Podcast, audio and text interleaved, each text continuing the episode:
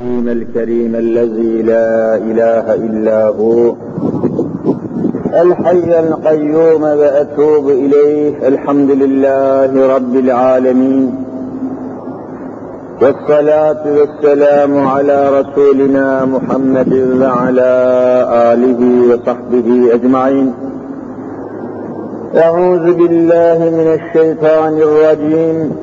بسم الله الرحمن الرحيم. رب اشرح لي صدري ويسر لي أمري واحلل عقدة من لساني يفقه قولي. آمين. بحرمة حبيبك الأمين.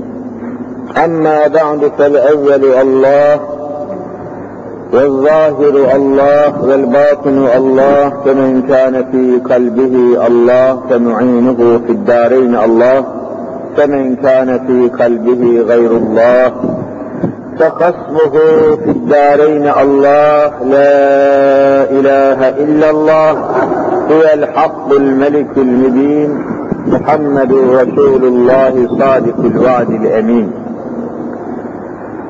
Aziz müminler, muhterem Müslümanlar,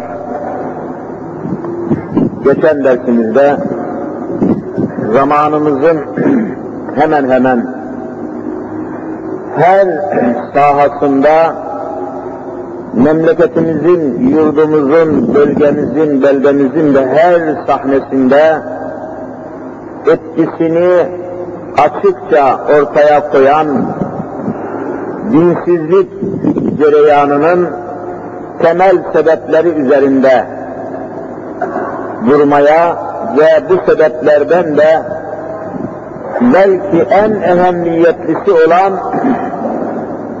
düşünme kabiliyetinden mahrum oluşun birinci sırada yer aldığını açıklamaya çalışmıştık. Her geçen gün görüyorsunuz ki dinsiz olmanın, dinsizlik cereyanının veya bir diğer adıyla din işlerinin devlet işlerine karışmamasının, din işlerinin dünya işlerine karıştırılmaması iddiasında bulunanların marifetleri, rezaletleri, felaketleri ve cinayetleri her geçen gün çığ gibi atmaktadır. Din işlerini dünya işlerine karıştırmayalım diyenlerin, böyle düşünenlerin, böyle söyleyenlerin, böyle inananların rezaletleri görüyorsunuz. İstanbul kanalizasyonu gibi patladı mı patlamadı mı? Patladı. İstanbul 10 milyon veya 12 milyon insanın oturduğu şehrin, bölgenin pisliklerinin toplandığı kanalizasyon bir anda patlasaydı, şu birkaç günden beri yapılan yolsuzluk, hırsızlık, soygun, pislik bu kadar kokusu dünyaya yayılmazdı. Bütün bunların sebebini acaba siz Müslüman kardeşlerim olarak, yediden yetmişe Müslümanlar olarak bu olup biten hadiselerin, resmen yapılan bu soygunların, bu vurgunların, bu sui istimallerin eğer sebeplerini, sebebini dinsizliğe ve laikliğe yani din işleri ayrı, dünya işleri ayrı felsefesine dayandırmıyorsanız, bunun sebebi budur demiyorsanız, sizi Allah'ın huzurunda mesul olarak ilan ediyorum. Allah'ın huzurunda tek kelimeyle mesulsünüz.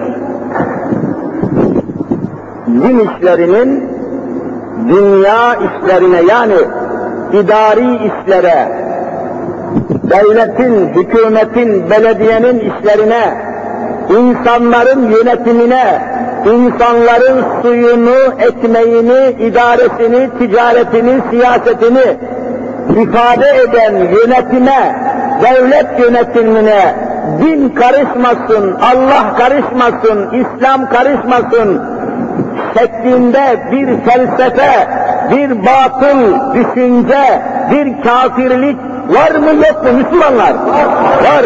İşte, işte kaç gündür İstanbul'da çalkalanan soygunların ödemiş olduğunuz su paralarının, elektrik paralarının vesaire paraların nasıl yağma edildiğinin, nasıl kapul gibi kapışıldığının nasıl bir takım insanların arasında soygun haline, rüşvet haline getirildiğinin sebebini eğer anlattığım meseleye bağlamıyorsanız, yer mi huzurda, yer mi hesapta her birinizi sorumlu ilan ediyorum. Bunun sebebi odur. Allah'tan korkmayanların idareye, yönetime, insanların hayatına, Allah'ın hükümlerini, İslam'ın esaslarını, emirleri, yasakları karıştırmayalım, düşüncesinde olanların işte gelebileceği nokta bu noktada son buluyor. Yeryüzünde, yeryüzünde şu anda bütün dünya coğrafyasında bizde meydana gelen rezaletler gibi milletin tüyü bitmemiş yetimlerin gırtlağından keserek ödemiş olduğu su parasını, su, su, su parasını bu şekilde tarumar edenlerin, bu şekilde yağma edenlerin, bu şekilde boşadığı karılara sus payı, nafaka parası olarak milyarları dağıtan namussuzların sadece bulunduğu ülke Türkiye Cumhuriyeti'dir. Başka bir yerde bulamazsınız. Onun için her zaman söylüyorum, bakın memlekette basın, gazeteciler, yazıcılar, muharrirler, muhabirler, bakın görüyorsunuz, özel sektördeki bir takım kimseler, holdinglerin başındakiler, türlü makamların, mevkilerin başındaki adamlara bakın. Irz ve namusuna hiçbir şekilde ilgi göstermeyen kimselere bakın. Umumhaneleri işletenlere bakın. Meyhaneleri işletenlere bakın. Kumarhaneleri işletenlere bakın. Deyyuslara bakın, tezelenklere bakın. Göreceksiniz ki hepsi layıklığı benimsemiş adamlardır.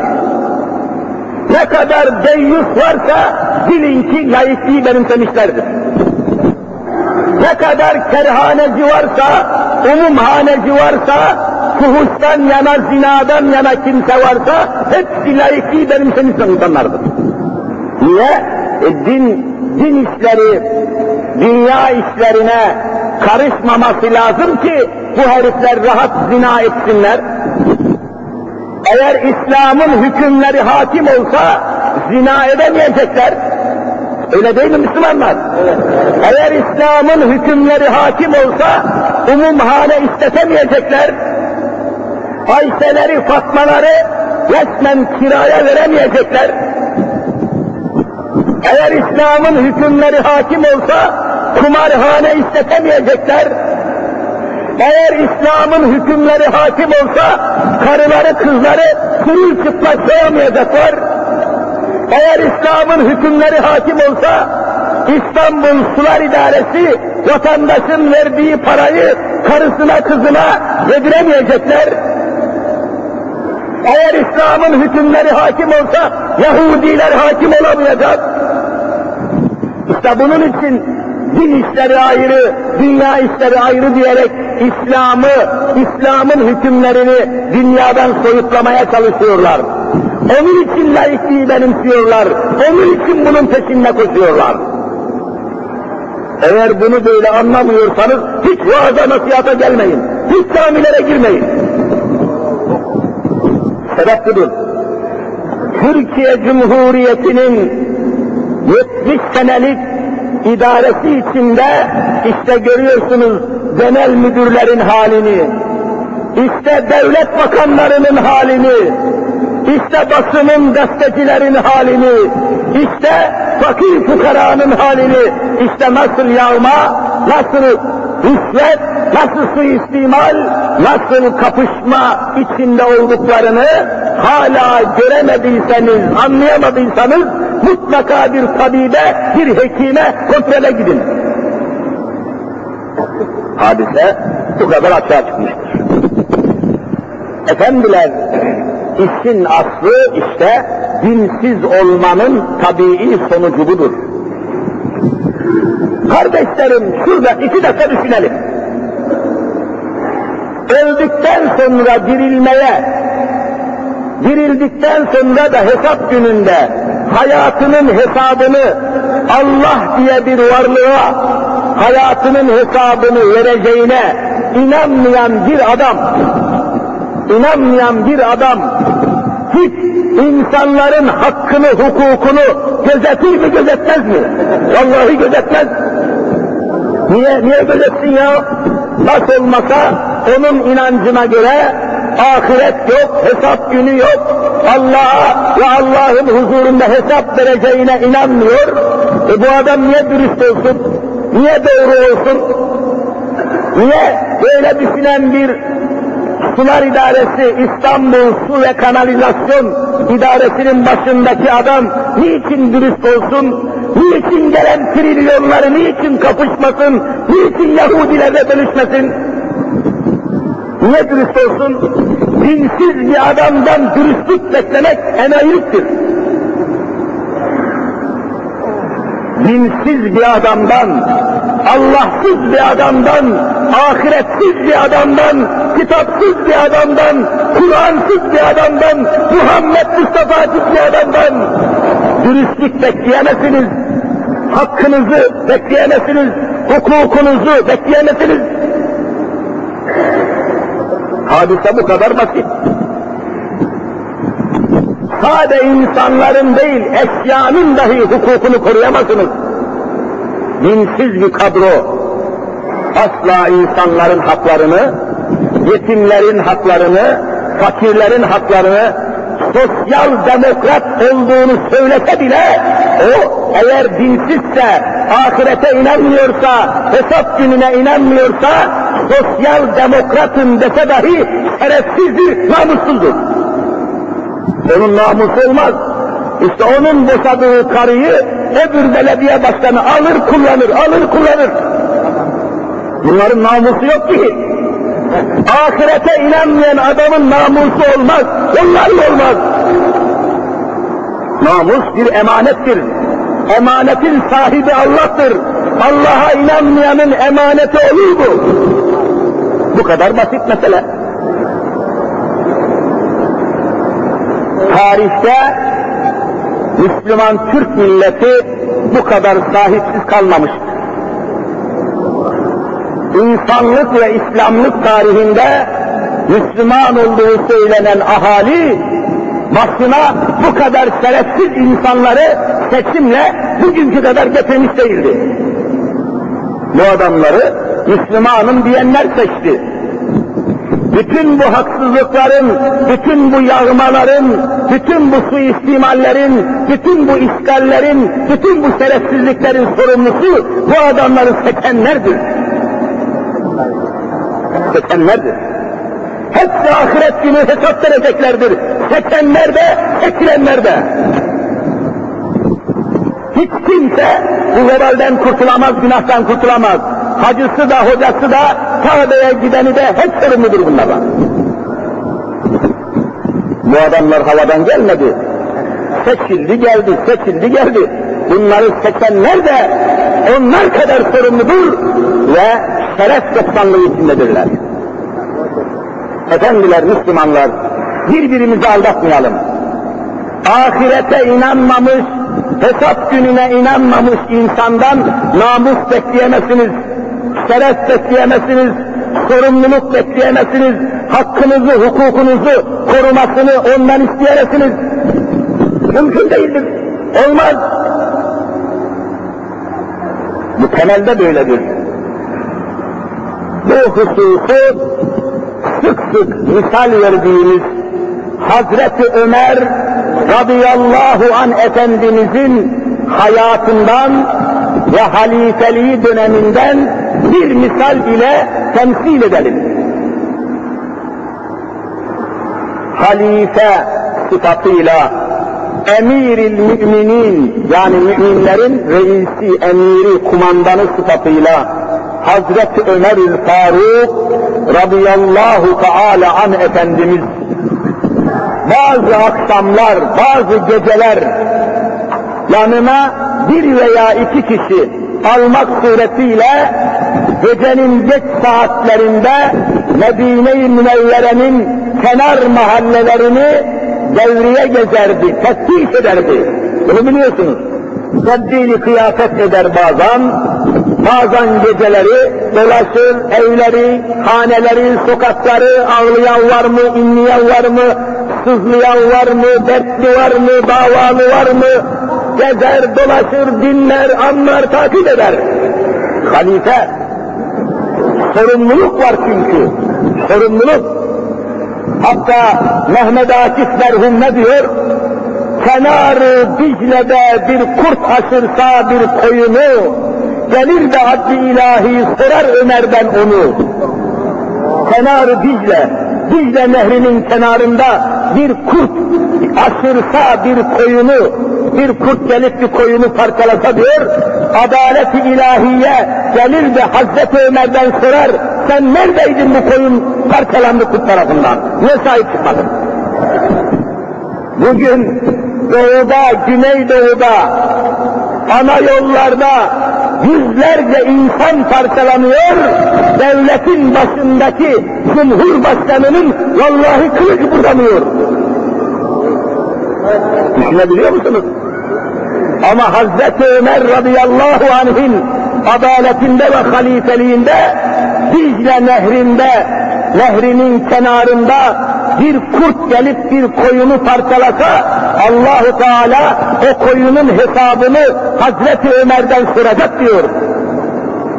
Varın idrakinizi zorlayın bakayım böyle bir hadiseyi. Bugünkü insanlar insan mı? Bugünkü yöneticiler yönetici mi? Akıl hayal almaz. Mümkün değil. Böyle bir devriye akşamında Hazreti Ömerül Faruk radıyallahu teala an Efendimiz yanına oğlu Asım'ı almış olduğu halde gecenin çok geç saatlerinde Medine-i Münevvere'nin sokaklarını gezdi, gezdi, gezdi. Nihayet şehrin dışına çıktı. Dikkat! Dikkatini rica ediyorum. Şehir dışında artık ev mev yok. Lakin gözlerine içinde ışık yanan bir çadır ilişti. Çadır. Allah Allah! Bu çadır kimin çadırı? Merak ettiler.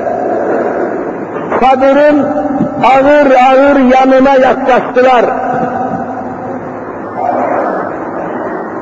Tam o sırada çadırın içinde konuşmalar, sesler geliyordu. Konuşanlar vardı çadırda. Dikkatle dinlediler. Bir kız çocuğuyla yaşlı bir kadın karşılıklı konuşuyorlardı. Yaşlı kadın diyordu ki, kızım yavrum şu sütün içine bir miktar suyu katar mısın?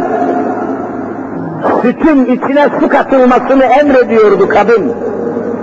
Genç kız bunu kabul etmiyordu. Anne bu olmaz diyordu, haramdır diyordu, günahtır diyordu. Sütün içine suyu katamam diyordu. Konuşuyorlar. İhtiyar kadın ısrar ediyordu. Yavrum sen benim dediğine bak. Su, bugün sütümüz az oldu. Su ile karıştırırsak sütümüz çoğalır. Kim nereden görecek, kimin ne haberi olacak diyordu. Eğer halife Hazreti Ömer'den korkuyorsan şimdi kim bilir nerede uyuyor, onun nereden haberi olacak diyordu. Hadise tarihe geçmiştir. Kız ise genç kız daha şiddetli bir ses ile anne anne diyordu. Biz Hazreti Allah'a iman etmedik mi? Allahu Teala her şeyi bilir, her şeyi görür, her şeyi işitir diye Allah'a iman etmedik mi? Halife Ömer görmese bile bizi şu anda Hazreti Allah görmüyor mu, işitmiyor mu diyordu. Biz Halife Ömer'den evvel Allah'a hesap vereceğiz. Bu günahı işleyemeyiz, bu haramı işleyemeyiz. Yapma anne, katma anne, ellerinden öperim yapma diyordu. Hazreti Ömer daha fazla dayanamadı, çadırın kenarını kaldırdı, içeriye girdi. Hakikaten yaşlı bir kadın vardı, bir de genç kız vardı. O genç kızın imanına, Allah'a olan teslimiyetine Hazreti Ömer hayran kaldı. O kızı tebrik etti, o yaşlı kadını da cezalandırdı ve daha da ileri giderek o kızı oğlu Asım'a gelin olarak nikahladı. Efendiler, burada gördüğümüz hadise şudur. Ahirete ve Allah'a inanan insan, Allah'a inandıktan, Allah'a teslim olduktan sonra, hayatının hesabını Allah'a vereceğine iman ettikten sonra, artık sahtelik ve Allah'ın rızasına, emrine, hükmüne aykırı hiçbir şey yapamaz. Suyu sütün içine katıp da süt diye satması mümkün değildir. Çünkü Allahu Teala suyu ayrı yaratmıştır, sütü ayrı yaratmıştır. Sütün sıfatı başkadır, suyun sıfatı başkadır. Sütün yapısı, karakteri, içindeki maddeler, nesneler tamamen farklıdır. Su hakeza ayrı bir alemdir. Ayrı ayrı yaratılmış iki cinsi, ayrı cinsleri bir şekle sokup da Allah'ın hılkatini değiştirmek mümkün değildir. Sütün içine suyu katıp da süt diye satmak, Allah'ın yaratma nizamını değiştirmeye kalkmaktır ki bu adam cehennemden çıkamaz. Bakın yani imanın nasıl bir hadise olduğunu, imanın nasıl bir zabıta olduğunu, imanın nasıl Allah ile eşya arasında bir rabıta olduğunu görüyorsunuz. Demek ki dinsiz adam, imansız adam, ahirete inanmayan bir adam, insanların hakkını korumak söyle kalsın, eşyanın bile hakkını koruyamaz. Maddenin dahi hukukunu koruyamaz. İşte bundan dolayıdır ki İstanbul'un İstanbul'da yaşayan insanların en muhtaç oldukları suyu içmeye, temizlik yapmaya ve her hususta ihtiyaç duyduğu suyu bakın nasıl su istimal ediyorlar etmişler. O sudan aldıkları parayı ki bu da ayrı bir zulüm. Efendiler bakın dünya üzerinde mevcut olan memleketlere bakın. Dünya üzerinde bugün 160 küsur devlet millet var diyorlar. Asya'da, Afrika'da, Avrupa'da, Amerika'da vesaire yerlerde bu kadar milletler var, devletler var. Görüyorsunuz üç tarafı denizlerle kaplı Allah tarafından öyle yaratılmış. Memleketimizin üç tarafı, dört taraflı olan memleketimizin üç tarafı denizlerle kaplanmış mı kaplanmamış mı? Üst tarafımız deniz. Üst tarafımızı deniz ile Cenab-ı Hak döşemiş. Hesap edin. Bu kadar suyun içindeyiz. Bu kadar denizin, deniz sahillerinin sahibiyiz. Hala bu memlekette vatandaşların kullandığı suya su parası almaktadırlar. Suyun parası. Ya bir devlet vatandaşına verdiği sudan nasıl para alır ya? Çöl memleketi olan Suudi Arabistan bile vallahi su parası almıyor. Çöl çöl. Zulüm bu. Hem de dünyada eşine rastlanmayacak şekilde bir zulüm Türkiye'de su parası almak. Biliyorsunuz çoğunuz zannediyorum farkındasınız. Öyle su parası alıyorlar ki musluğu açtığınız zaman musluktan akan suyun parasını ayrı alıyorlar. Sabunla kirlettiğiniz suyun, kanala akan suyun parasını ayrı iki misli para alıyorlar. Bunun da adına atık su parası. Yani elinizi yıkarken avucunuza akan suyun parasını ayrı, avucunuzu yıkarken alt, alt tarafa akan kirlenmiş suyun parasını aynı nispette ayrı para alıyorlar. Dünyada böyle rezalet görülmemiş. Dünyada bunun bir emsalini bulamazsınız. Atık su. Yani hem musluktan akan temiz suyun parasını alıyor, hem de lavabodan aşağı akan kirli suyun parasını. iki kat para alıyor. İki kat para. Vallahi zulümdür. Zulümdür Müslümanlar. Ama işte Müslümanlar kendi elleriyle bu zulmü ayakta tutuyorlar. Yani bu idareyi ayakta tutan Müslümanlar mı değil mi? Vallahi Müslümanlar, Müslümanım diyenler bunlar. Ama işte bakın görün ki zulme nasıl rıza göstermişiz. Halbuki Cenab-ı Hak insanlara yeteceğinden daha fazla suyu Rabbim çok miktarda yaratmış. Bakın arz edeyim. Efendiler, Allahu Teala'nın yaratma nizamında, yaratma nizamı, Allah'ın bir yaratma nizamı var biliyorsunuz. Bu nizamın aslı ve esası şöyle, aklınızda kalsın. Canlı mahlukat, canlı canlı, canlı mahlukat yeryüzünde en fazla neye muhtaçsa canlı mahlukatın ihtiyacı ne kadar fazlaysa o ihtiyacın karşılığını Allah o kadar fazla yaratmıştır. Canlı mahlukat neye ne kadar muhtaç ise Allah onu o kadar çok yaratmıştır. Aklınıza kalsın. Mesela canlı mahlukatın yeryüzünde en çok muhtaç olduğu şey nedir diye sorsam havadır demeniz lazım. Hava, hava. Havadan daha önemli bir şey yok dünyada. Zira ağzınızı burnunuzu sımsıkı bir adam kapatsa, hava alamayacak olsanız, teneffüs edemeyecek olsanız, yaşama şansınız dört dakikadır. Beşinci dakikada ölürsünüz. Bak, demek ki ayakta kalmak için her şeyden çok hangi şeye muhtacız? Havaya. Unutmayalım. Kıymetini bilelim.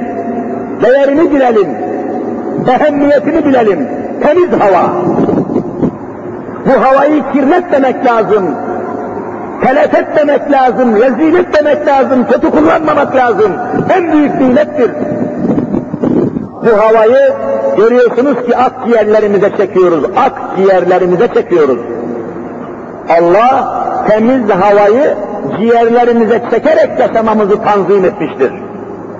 Bundan dolayıdır ki sigara ile alakalı bende bir kitap var. Suriyeli bir İslam alimi yazmış. İrşadul İhvan fi mazarratid duhan tütünün yani sigaranın, tütünün mazarratı, ne demek mazarrat? Zararları hakkında Müslüman kardeşlerimizi irşad etmek. İrşad-ül ihvan. İhvan-ı Müslümini irşad etmek. Orada diyor ki, sigara içen bir adamın, aklınıza kalmasını rica ediyorum. Sigara içen bir adamın hiçbir günahı olmasa, yani farz edelim hiçbir günahı yok. İhvan-ı Müslümini irşad etmek. Orada diyor ki, sigara içen bir adamın, aklınıza kalmasını rica ediyorum. Sigara içen bir adamın hiçbir günahı olmasa, yani farz edelim ki hiçbir günahı yok. Aslında böyle olmaz ya, günahsız adam var mı dünyada? Mümkün değil. Ama misal olsun diye söylüyorum. Sigaranın ve sigara içen adamın hiçbir günahı olmasa, hiçbir vebali kusuru olmasa, sigara içtiği yerde, sigara içtiği odada, salonda, sigara içtiği kapalı bir yerde bulunan ve fakat sigara içmeyen, sigarayı kullanmayan insanların akciğerlerine çektikleri havayı sigara içen kimsenin kirletmesinden hasıl olan zararın karşılığında o teneffüs eden ve fakat sigara içmeyen insanların akciğerlerine zehirli hava çekmelerine, kirli hava çekmelerine sebep oluyor mu olmuyor mu? Oluyor diyor. O alim bile demiş. Ha o halde sigara içenin hiçbir günahı olmasa akciğerlerine temiz havayı çekerken sigara dumanıyla beraber çektiklerinden dolayı zarara, nefrete, haksızlığa uğramış olmalarıyla kul hakkı meydana gelmiştir. O sigara dumanından rahatsız olan insanlar haklarını helal etmedikçe sigara içenler vallahi cennete giremez diyor. Kul hakkına girer. Sigara içenlerden endişe ediyorum ben. Sigara içenlerin akıbetini karanlık görüyorum ben. Bir Müslüman olarak sigara içenlerin ahiretini karanlık görüyorum. Müslümanlar aklımızı başımıza alalım ya. Allahu Teala'nın canlı mahlukat için yarattığı en mühim madde havadır. Sen nasıl onu kirletirsin Müslüman? Nasıl onu keyfine göre kullanırsın? Havasız bir canlı mahlukun en kuvvetlisi insan işte görüyorsunuz, dört dakikadan fazla yaşama şansı yok. O halde buna çok önem vermek lazım. Hı? Anlamadım. Video çekimini durdur bakayım. Nerede o arkadaş? Bir görün bakayım bana, o video çekimi yapan kimdir? Niye haber veriyorsun saygısız adam? Hemen kapat. Terbiyesiz adam. Gizli gizli çekiyorsun, nefret edeceksinler. İnsan bir hocanın şahsiyetini tanır, hocam bir çekim yapabilir miyim der, utanmaz adam. Bu kadar karaktersiz olmaz bir adam ya, izin alır, müsaade alır, sorar, kimsin, nesin, ne cehennemliksin, in misin, cin misin, git misin, git misin? Allah Allah! O çektiği filmi alın elinden. Bir kardeşimiz, müezzin kardeşimiz alsın eline çektiği o filmi. Kaseti alsınlar. İnsan müsaade alır ya biz burada dosttan korkuluğu değiliz. İnsanın bir şahsiyeti olur, hocanın bir haysiyeti olur. O çektiği kaseti alın gitsin arkadaş, karışmayın. Evet, Allahu Teala'nın yaratmış olduğu nimet dediğimiz, nimeti ilahiye dediğimiz kainatı dolduran nimetlerin içerisinde en başta akciğerlerimize çektiğimiz hava geliyor. Ona ne kadar sahip olmamız lazım geldiğini görüyorsunuz. Ondan sonra yaratılış nizamı, sükunet ilgilenmeyelim, o arkadaşlar alakadar olurlar. Allahu Teala bu hava dediğimiz nesneye, hava dediğimiz nimete canlı mahlukatın çok muhtaç olduğunu bildiği için yeryüzünde her şeyden çok havayı yaratmıştır. Havadan çok bir şey var mı dünyada? Bakın mesela havayı her an istediğimiz yerde bulabiliyoruz. Para ödemeden, ücret ödemeden, külfete girmeden burnumuzun dibinde havayı rahatlıkla buluyor ve çekiyoruz. Hiç zahmeti yok, ücreti yok, vergisi yok, hiçbir sıkıntısı yok. Her canlı mahluk havayı burnunun önünde hazır buluyor. Ne kadar çok yaratmış. Ne kadar fazla yaratmış görüyorsunuz. Havadan sonra canlı mahlukatın biliyorsunuz ikinci derecede ihtiyaç duyduğu en mühim madde sudur. Havadan sonra sırada su vardır. Su. Şu anda işte deminden beri üzerinde konuştuğumuz ve Türkiye Cumhuriyeti'nin en büyük skandalı, en büyük rezaleti, en büyük cinayeti, en büyük şerefsizliği olan su ve kanalizasyon idaresinin içinde bulunduğu kokuşmuşluk, rezalet, şerefsizlik suyla alakalı. Bakın suyumuzu nasıl kullanmış adamlar. Allah'ın nimet diye yarattığı suyu, bakın sular idaresi ne biçim kullanmış, ne biçim istima, su istimal etmiş, ne biçim rezalete sokmuş. Bunlardan hesap sorulmadıkça, bunların cezası verilmedikçe, bunlar bu memleketten çıkarılıp kovulmadıkça, bir Müslümanın yatağında rahat uyumaması lazım. Ama nerede? Ama nerede? Herkes seyrediyor.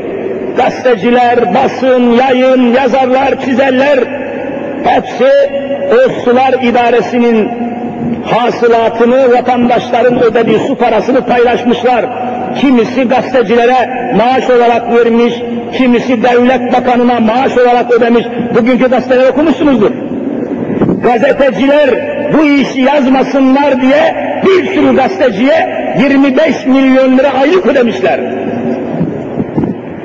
Hani buradan ben zaman zaman söylüyorum, Türk basını çok azı müstesna, Türk basını kiralıktır, kiralık ve kalemini, vicdanını kiraya verecek satılık insanlardır diyordum da bazıları bunu aşırı bil görüyorlardı.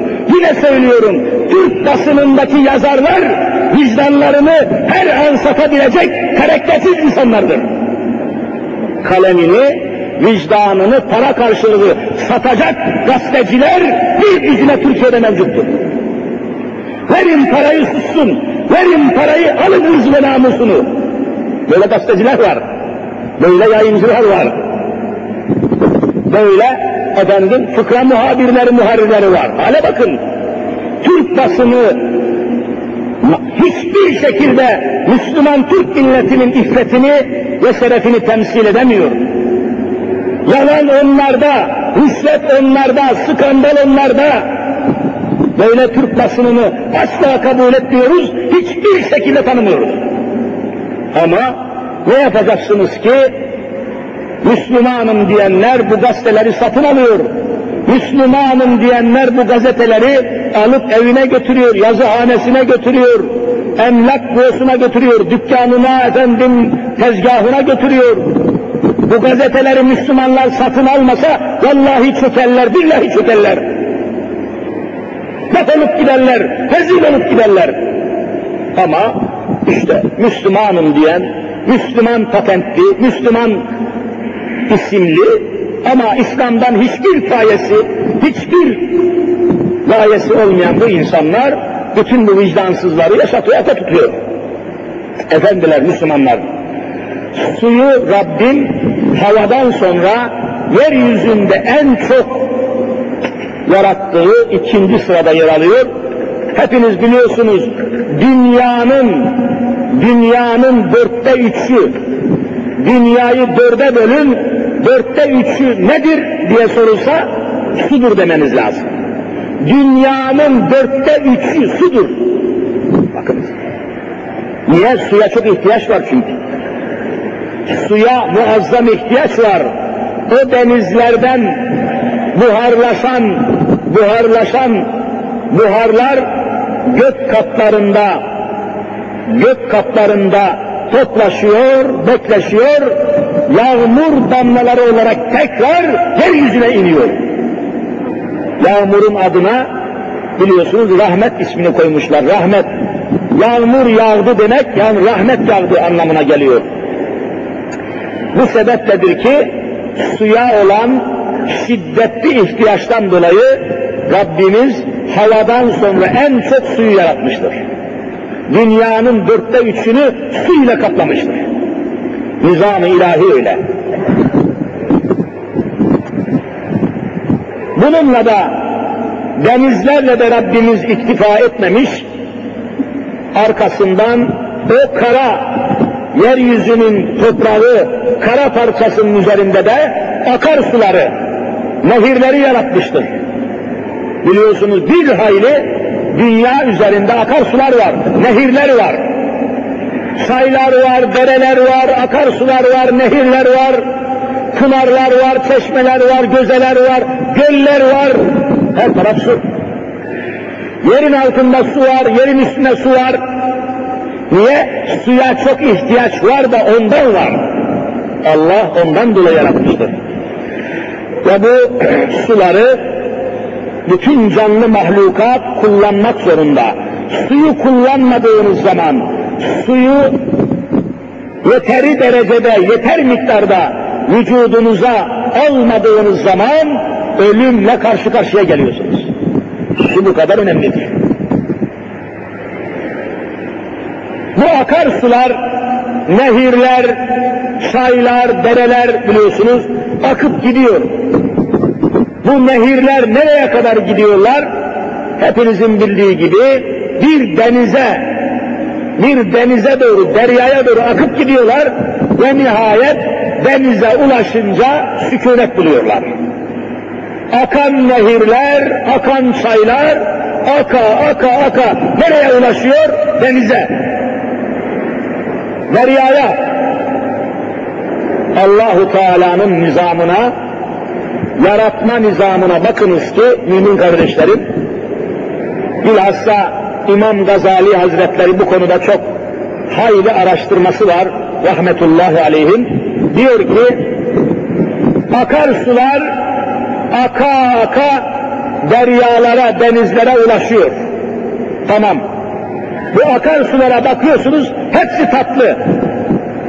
Tatlı su. İçinde tuz yok. İçinde herhangi bir zararlı madde yok. Denize ulaşıyor. Bir de bakıyorsunuz ki denizin suyu tuzlu.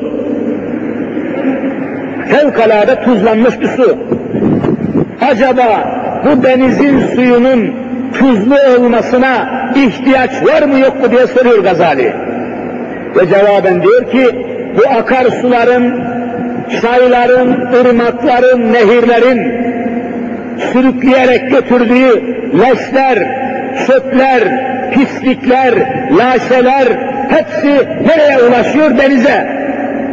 Denize ulaştıktan sonra o leşler, o pislikler, o çöplükler aynen denizde kalsaydı onun kokusundan, pisliğinden yeryüzünde insanlar rahatsız olurdu.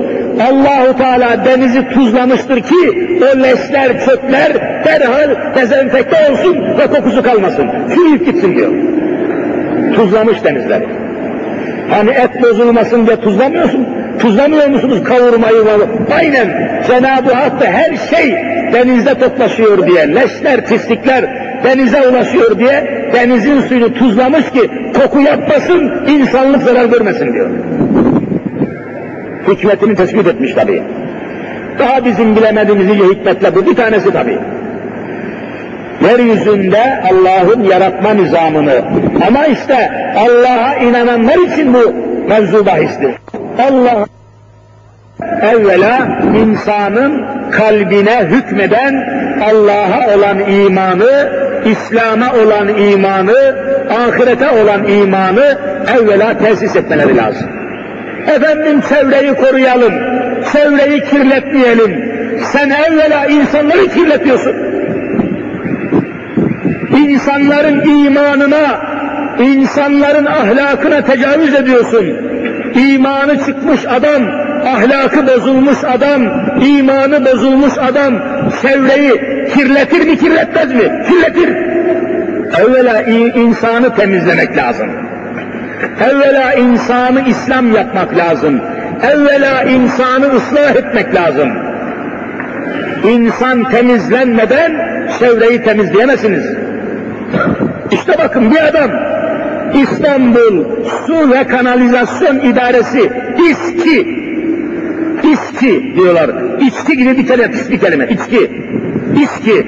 İstanbul Su ve Kanalizasyon İdaresi. Başına öyle bir adam getirmişler ki bakın ne Allah ne Allah'a inanıyor adam ne ahirete ne hesap gününe o topladığı 12 trilyon parayı tamamen partiye, pırtıya, bakana, başkana, Yahudilere, Musevilere, avradına, karısına, fahişesine resmen dağıtmış. Hiçbir korku taşımamış. Eğer boşanan karısı konuşmasaydı hiç kimsenin haber olmayacaktı. Gazetecilere vermiş, aman yazmayın, aman resim çekmeyin. Bakana vermiş, başkana vermiş, partiye vermiş. Susun, konuşmayın, açığa çıkarmayın. Demek ki tüy bitmemiş bazı yetimlerin hakkı var ki karısı konuştu da haberimiz oldu. Ya ondan sonra da utanmadan bu millet devlete vergi vermiyor diye sızlanıyorlar. Daha bu millet böyle bir idareye vergi verir mi? Vergi verir mi? Verirken vicdan rahatlığı duyabilir mi? Duyamaz. Şimdi bir vatandaş sular idaresine su parasını yatırmaya giderken nasıl içi rahat edecek? Elektrik parasını yatırmaya giderken nasıl içi rahat edecek? Ben endişe ediyorum. Telefon parasını yatırmaya götürürken nasıl bu paranın yenmediğinden, harcanmadığından, yağma edilmediğinden nasıl emin olacak? Nasıl emin olacak? Müslümanlar, görüyorsunuz ki dinsiz olmanın, Allah'a ve ahirete inanmamış olmanın felaketini bütün bir memleket çekiyor. Bütün bir millet çekiyor, bütün bir dünya çekiyor. Görüyorsunuz. Demek ki Allah'a ve ahirete olan iman dünyanın garantisidir, dünya huzurunun sigortasıdır. O halde memleketin idaresini, belediyenin idaresini, bütün teşkilatların idaresini Allah'a ve ahirete tereddütsüz iman eden nesillere teslim etmedikçe hayatınızdan emin olamazsınız. Haysiyetinizi ve şerefinizi koruyamazsınız, mümkün değil. Ödediğiniz su paralara, su paralarına, ödediğiniz vergilere bu kadar tecavüz eden bir kadro, insanların hakkını, hukukunu, maneviyatını, haysiyetini ve şerefini hiç koruyabilirler mi? İşte bütün dehşetiyle ortaya çıkmıştır ve birkaç günden beri cemaat-i müslimine bakıyorum, muazzam moral bakımından çökmüş durumdadır. İdareye itimadı kalmamıştır. Yönetime santim itimadı kalmamıştır. Bütün gazeteler yolsuzluktan bahsediyor. Bütün gazeteler rüşvetten bahsediyor. Bütün gazeteler milletin malını yağma edenlerden bahsediyor. Bu ortamda hanginiz emin olabilirsiniz? Hanginiz korku içinde olmazsınız? Hanginiz hukukunuzun korunacağından emin olabilirsiniz? Mümkün değil. Ve işin en tuhaf tarafı da, en kötü tarafı da, millet meclisinden tutun, belediye meclisine kadar bütün rejim tamamen kokuşmuş olduğunu. Düşünün ki eşkıya, yüzlerce adamı öldüren bilmem ne örgütünün mensupları Doğu bölgesinde, Güneydoğu'da hala savaşan örgütün elemanları ve adamları Millet Meclisi'nin lojmanlarında 40 gün ikamet ediyorlar. Ya şu milletin haline bakın. Az kalıyor ki çıldırayım vallahi ya. Şu memleketin içine düştüğü felakete bakın. İnsanları acımasızca öldüren, köyleri ateşe veren, insanların bir kısmı milletvekillerinin lojmanlarında 40 gün ikamet ettiler mi etmediler mi söyleyin. Ne olacak peki memleketin? Bak bir dava açılmıyor, soruşturma açılmıyor. Hiçbir tedbir alınmıyor. Ne hale geldiğinizi görüyor musunuz? Bu durumda benim demokrasiye zerre kadar itimadım ve itibarım kalmamıştır. Millet meclisine santim itibarım kalmamıştır. Demokrasiye inanmıyorum. Laikliğe lanet ediyorum. Demokrasiye inanmıyorum. Halkı soyanlara inanmıyorum. Ve bütün bunları şerefsiz ilan ediyorum. Demokrasiye imanımız, itimadımız yoktur. Demokrasi hiçbir insanın şerefini ve haysiyetini böyle hukukunu, vergisini, su parasını böyle çiğnemeyi kimse haklı gösteremez, demokrasinin icabıdır diyemez. Ve halkımızın, milletimizin demokrasiye olan itimadı sarsılmıştır. İnanmıyoruz, güvenmiyoruz, itimat etmiyoruz. İslam'dan başka hakkımızı koruyacak başka bir yol tanımıyoruz. Allah'ın nizamından, Allah'ın kitabından, Allah'ın Resulünden başka hiçbir şeye itimat edebilir misiniz? Edemezsiniz. İşte hadiseler bunu ispatlıyor. Olup bitenler Allah'ın izniyle belki de Cenab-ı Hakk'ın çok büyük bir hikmetidir. Bu rejimin, bu sistemin, bu idarenin, bu demokrasi denen yalancılığın, dolancılığın aslının ne olduğunu Allah şu millete gösteriyor ki bu millet 2000 yılına çıkmadan İslam'a teslim olsunlar. Hiç şüphe etmiyorum ki Cenab-ı Hak kendi rahmetiyle bunların pisliğini, bunların rezaletini karısıyla kızıyla ortaya koyuyor ki bunlara kimse inanmasın, itibar etmesin. Ve Allah'ın nizamına, Allah'ın dinine, Allah'ın ahkamına dönmek için bunlar birer işaret, birer alamet tecelli ediyor. İnşallahü Teala her şeyiyle Hristiyan dünyanın da iç yüzü ortaya çıktı.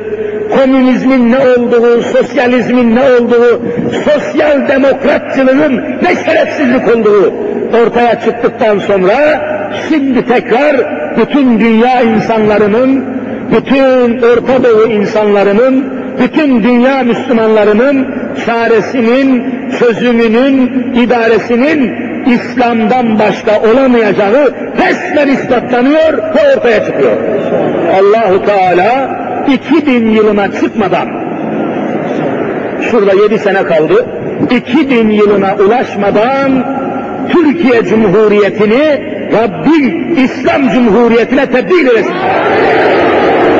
Allahu Teala 2000 yılına çıkmadan Kur'an ahkamının hakimiyetini bu memlekete nasip eylesin. Ve 2000 yılına çıkmadan idaremizi İslam idaresine Rabbim tebdil eylesin.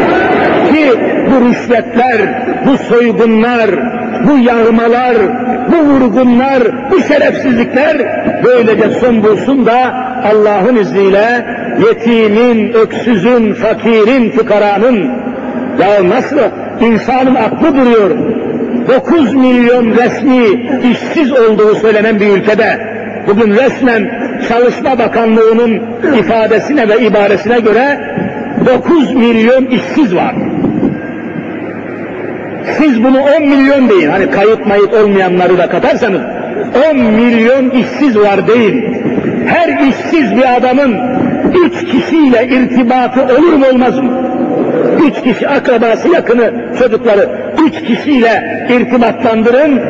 10 milyonu üç kişiyle çarpın ne yapar? 30 milyon. Zaten nüfusumuz 60 milyon. Demek ki nüfusumuzun yarısı ekmeğe muhtaç hale gelmiştir. Böyle bir memlekette efendim falan bakan, falan milletvekili, falan holdingin başkanı bir nikah merasiminde, bir nişan merasiminde 10 milyar lira harcayamaz, milletin gözüne bakarak, bu 30 milyon işsizin gözüne bakarak bu rezalet isteyemezler. Evvela bu adamları yakalamak lazım. Evvela bu paraları nereden aldıklarını, nereye harcadıklarını sıkı tutmak lazım. Bu kadar insanın, acın, muhtacın, zarurete düşmüş insanların gözü önünde bir düğün masrafı 100 milyar harcayan insanlarda zerre kadar namus ve şeref yoktur. Zerre kadar haysiyet yoktur, merhamet yoktur, muhabbet yoktur. Bunların insanlıktan bahsetmesi mümkün değildir. Allahu Teala her zaman ve her vesileyle dediğimiz gibi bir an evvel ülkemize, bölgemize, devletimize ve hükümetimize Rabbim İslam'ı hakim eylesin inşallah. Böylece ezan-ı Muhammedi yaklaştı. Dersi abdest alacak ve abdest tazeleyecek olanlar için bir teneffüs aralığı cihetiyle ezana yakın dersi bırakmış olayım. Ben de bir çamaşır değiştireyim. Ve inşallah Allah bir kaza, bir arıza, bir musibet, bir bela vermediği sürece inşallah şu Aksa camisinde sohbetlerimize devam edelim. Birbirimize destek olalım, birbirimize mümkün mertebe haberli, ilgili, alakalı olalım ve Allah'ın nizamını, Allah'ın ahkamını hayatımıza hakim olmanın, etmenin mücadelesinde yardımlaşalım, bütünleşelim ve yeryüzünün bütün haysiyet ve şerefi emin olun ki bu mücadelenin muvaffak olmasına bağlıdır. Allahu Teala cümlemizi muvaffak eylesin. Amin. Elhamdülillahi Rabbil alemin. والصلاة والسلام على رسولنا محمد وعلى آله وصحبه أجمعين. اللهم ربنا آتنا في الدنيا حسنة وفي الآخرة حسنة وقنا عذاب النار. يا عزيز يا غفار واغفر لنا ذنوبنا وكفر عنا سيئاتنا وتوفنا مع الأبرار. يا رب dualarımızı makbul eyle ibadetlerimizi kabul eyle razı olduğun amelleri işlemeye bizi muvaffak eyle. Uzaktan yakından gelerek şurada toplaşıp rızanı ve rahmetini arayan kardeşlerime rıza ve rahmetini ikram eyle ya Rabbi. Kusurumuzu affeyle. Günahlarımızı mağfiret eyle. Hususen cemaati müsliminimizden dua talebinde bulunan hastalarımız var. Şu anda ameliyata girecek olanlar var ameliyat halinde bulunanlar var. Cemaat-i Müsliminden dua istemektedirler. İçimizde duası kabul olacakların hürmetine bu hastalarımıza şifa ver ya Rabbi. Derdine deva arayanlara dermanını ikram eyle ya Rabbi. Maddi ve manevi sıkıntılar içinde bulunan kardeşlerimiz var. Onları da sıkıntılarından halas eyle ya Rabbi. El açıp amin diyen kardeşlerimi her türlü hayırlara nail eyle ya Rabbi. Her türlü şerlerden emin eyle ya Rabbi. İlahi ya Rabbi ve ya Rabbel alemin yurdumuzu, yuvalarımızı, yavrularımızı ve alemi İslam'ı ehli küfrün tuzaklarından, savaşlarından, belalarından, her türlü hilelerinden kutsu himaye eyle ya Rabbi. Bahusus alemi İslam'a çeşitli hileler, belalar, tuzaklar hazırlamaya devam eden İsrail oğullarını kahru perişan eyle ya. Amerika'yı kahru perişan eyle ya. Hristiyan Avrupa'ya hidayet nasip olmayacaksa kahru perişan eyle ya. İçimizdeki hainlere fırsat verme ya Rabbi. Milletin malını, mülkünü yağma edenleri rezil eyle ya Rabbi. İslam'ı hayatımıza hakim eyle ya Rabbi. Devletimizi İslam'a mahkum eyle ya Rabbi. Hükümetimizi İslam'a mahkum eyle ya Rabbi. Silahlı kuvvetlerimizi İslam'a mahkum eyle ya Rabbi. Amin sadalarımızı arş-ı alaya ret eyle ya Rabbi. Dualarımızı kabul ettiğin dualara ilhak eyle ya Rabbi. Ve ya Erhamer Rahimin. Velhamdülillah.